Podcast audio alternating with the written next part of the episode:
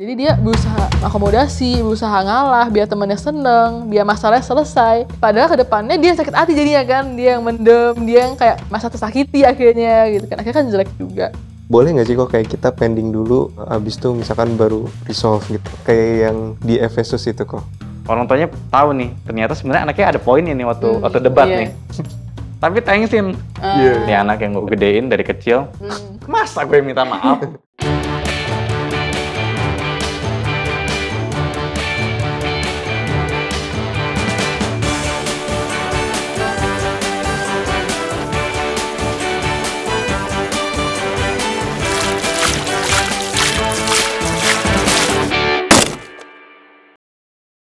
jadi kok aku mau cerita dikit nih, mau sekalian mau nanya-nanya. Jadi aku belum lama ini tuh sempet ada masalah kayak berantem gitu sama teman-teman aku kan. Hmm. Dan cukup parah masalahnya gitu kayak meledak jadi gede akhirnya. Oh parah juga ya. Iya, tapi akhirnya jadi berantem. Akhirnya ada yang sampai istilahnya apa leave group lah gitu kan, leave group apa, gak mau ketemu lagi Hmm. gitu kan. Awalnya tuh masalahnya kayak gitu. Awalnya tuh kecil masalahnya kan ya. Jadi itu tuh puncaknya. Iya, puncaknya aku rasa tuh puncaknya sih ya. Tapi ada akumulasi-akumulasi Iya, sebelumnya. eh, aku tuh orangnya tuh suka menghindari konflik ya. Hmm. Jadi tuh kadang aku ada masalah kecil yang sebenarnya nggak gitu gede, nggak gitu penting lah, sebenarnya bisa diselesaikan dalam sehari lah ya. Tapi aku tuh nggak mau nyelesain karena takut berantem, takut musuhan, takut kehilangan temen. Akhirnya aku jadi nunda. Jadi contoh masalah hari ini aku tunda sampai besok, sampai minggu depan, sampai sebulan, dua bulan. Wah. Dan akhirnya jadi ikut banyak orang ikut campur kan, jadi banyak yang kena dampaknya. Akhirnya meledak kemarin tuh belum lama gitu kan, dan cukup parah waktu itu kan. Dan aku rasa mm, itu banyak bersumber ke ketakutan-ketakutan aku gitu. Apakah Hmm. aku takut gak disukain gini kan? Karena aku tuh rasa konflik tuh sangat negatif ya. Aku rasa I tuh ya konflik Iya, tuh iya, iya. berantem, debat, aku rasa tuh sangat negatif menurut aku kan. Tapi kalau aku lihat sekarang nih ya, kalau ditabung-tabung, ditabung terus, dikumpulin terus malah makin jelek gitu. Jadi kan. snowball gitu kan ya. Iya, jadi awalnya menghindari konflik karena takut orang sakit hati, eh malah ujungnya malah orang Makin malah makin parah. parah. Iya. Jadi sebenarnya tuh konflik tuh semuanya tuh jelek gak sih kok? Apakah semua konflik negatif atau sebenarnya Oke. perlu nih konflik? Kita bahas kasus yang tadi dulu ya. Iya, heeh. Kalau dari yang kamu bilang sih, sebaiknya memang diselesaikan dari semenjak Hmm. awal gitu. Supaya nggak semakin snowball, makin lama masalahnya makin gede, orang orang tuh bisa kalau misalnya ada konflik, terus ada misalkan dia ada sakit hati, ada permasalahan, dia akan keep. Hmm, Terus iya. setelah dia keep, nanti sepanjang waktu kalau nggak diberesin, itu bukan stabil, bukan cuma itu aja, bisa makin bertambah besar kalau nggak buru-buru diselesain. Tapi ya kita perlu selesain itu ya dengan eh, waktu yang tepat gitu, waktu yang pas. Perlu lihat juga kondi- kondisi orangnya kayak gimana, lagi bisa diajak ngomong apa enggak Hmm, gitu. Iya, bener. Satu sisi yang tadi kamu bilang, ya wajar sih ya. Namanya konflik kan Iya. eh itu spend energinya lumayan gede gitu Iya. kan. Apalagi kalau misalnya lagi sibuk, lagi capek, terus mesti ngadepin konflik ini lagi. Aduh Mager nanti dulu deh. ya. Iya, udah nanti dulu deh. Nanti dulu. Besok-besok deh baru selesain. Tapi akhirnya ternyata itu jadi habit dan akhirnya jadi karakter. Nah, itu yang nggak Hmm, bagus. Jadi karakter. Ya, tadi pertanyaannya juga menarik ya. Apakah semua konflik itu negatif? Mm-mm. Ada aku rasa sih konflik-konflik yang tak terhindarkan ya dalam kita berelasi. Tapi jadi ada misalkan ada satu orang punya prinsip A, yang lain punya prinsip B. Apalagi kalau misalkan orang ini berelasi misalkan dalam pacaran gitu. Nah ini untuk mencocokkan prinsip ini kan nggak gampang dan sering kali bisa jadi konflik. Nah bukan berarti konflik ini sepenuhnya salah. Ya tentu harus diselesaikan gitu ya. Tapi untuk kita mencapai kesepakatan, mungkin konflik terjadi. Hmm. Tapi nggak sepenuhnya Iya. negatif. Justru dari konflik itu kita bisa sama-sama belajar.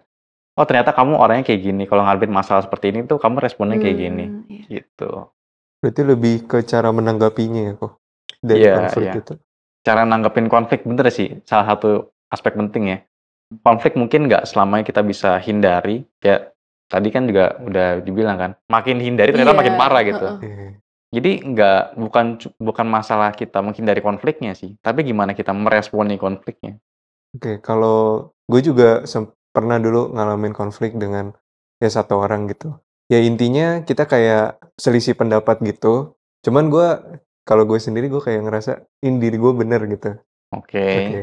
Nah dia juga ngerasa dirinya bener dan di saat itu ya di waktu itu bener-bener clash gitu nggak bisa nggak bisa dapat jalan tengah gitu. Oke.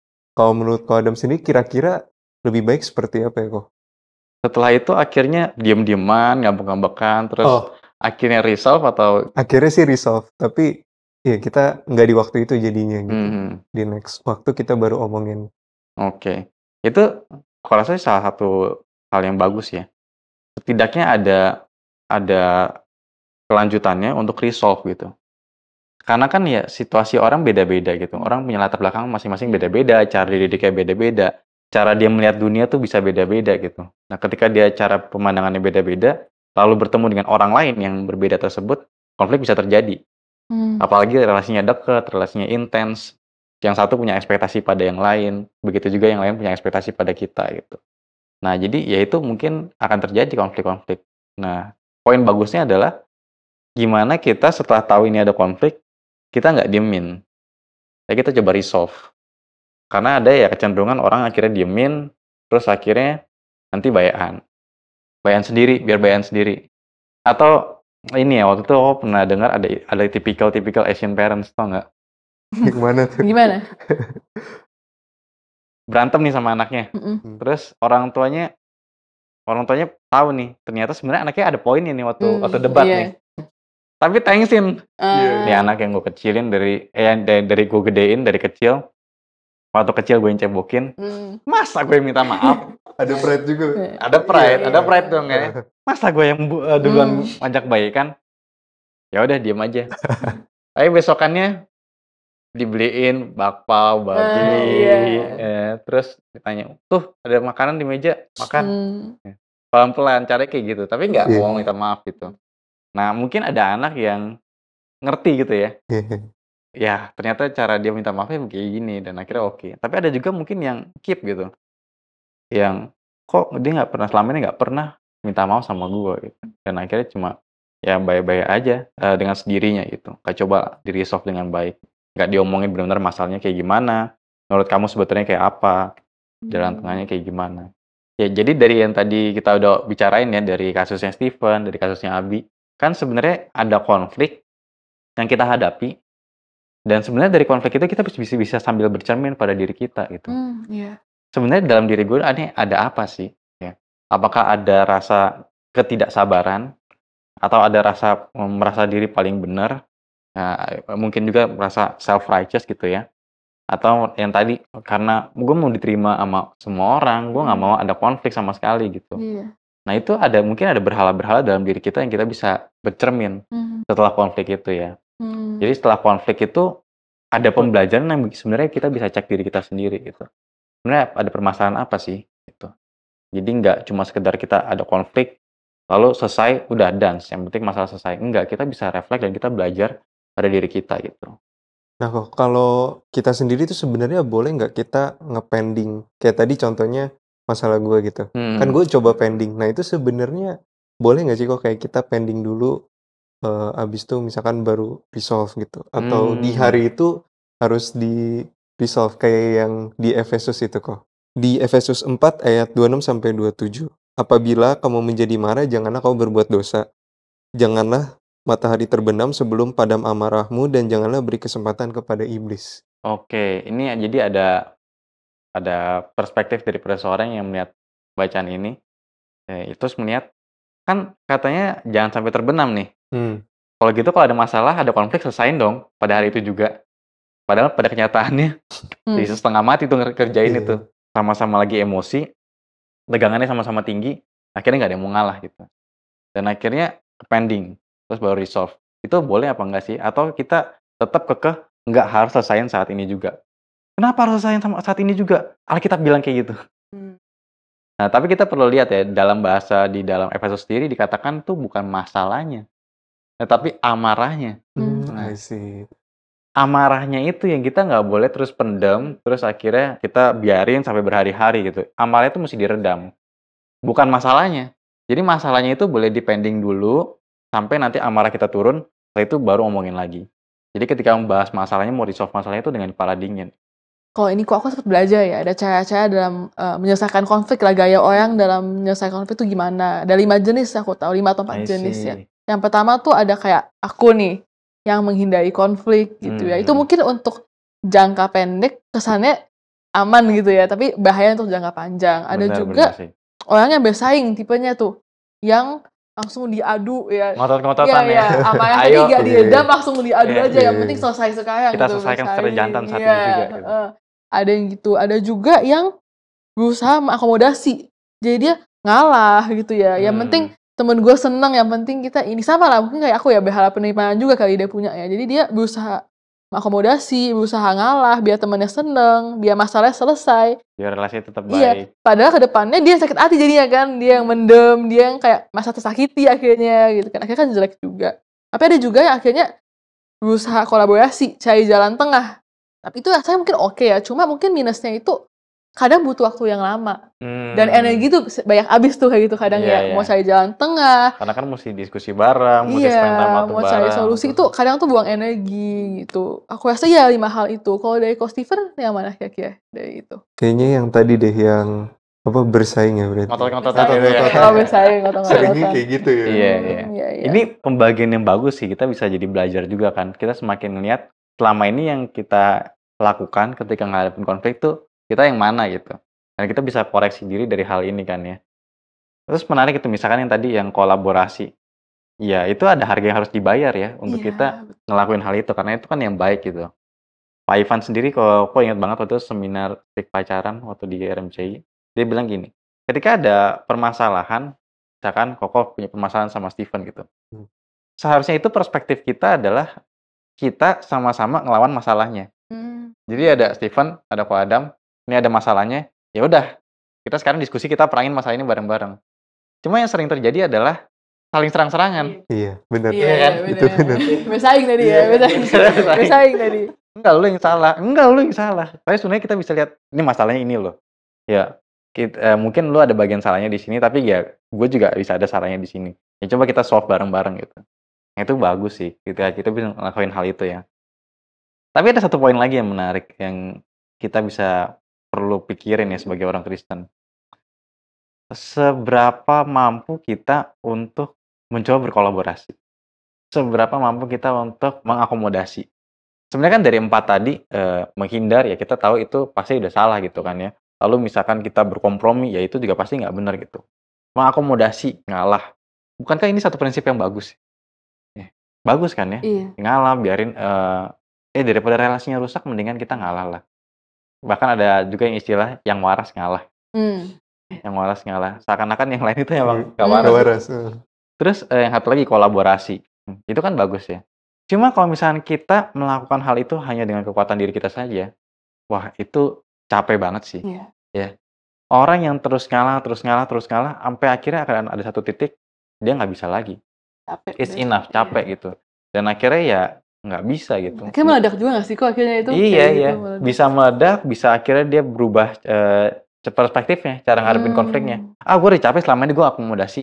Udah sa- sekarang saatnya gue bersaing Saing. atau selama ini gue defense terus nih. Udah Hmm. sekarang gue perang. Hmm, iya iya iya. Ya atau dia jadi orang yang menghindar gitu. Atau ya kita coba lihat yang berkolaborasi gitu. Nah, kolaborasi kan pasti ada inisiatornya kan. Hmm. Siapa yang mau inisiat untuk berkolaborasi? Iya. Iya kan ya. Udah yuk kita sama-sama yuk. Ini bukan kita mau mau ngalah saling ngalah enggak. Kita sama-sama diskusiin bareng-bareng masalahnya gimana selesainya.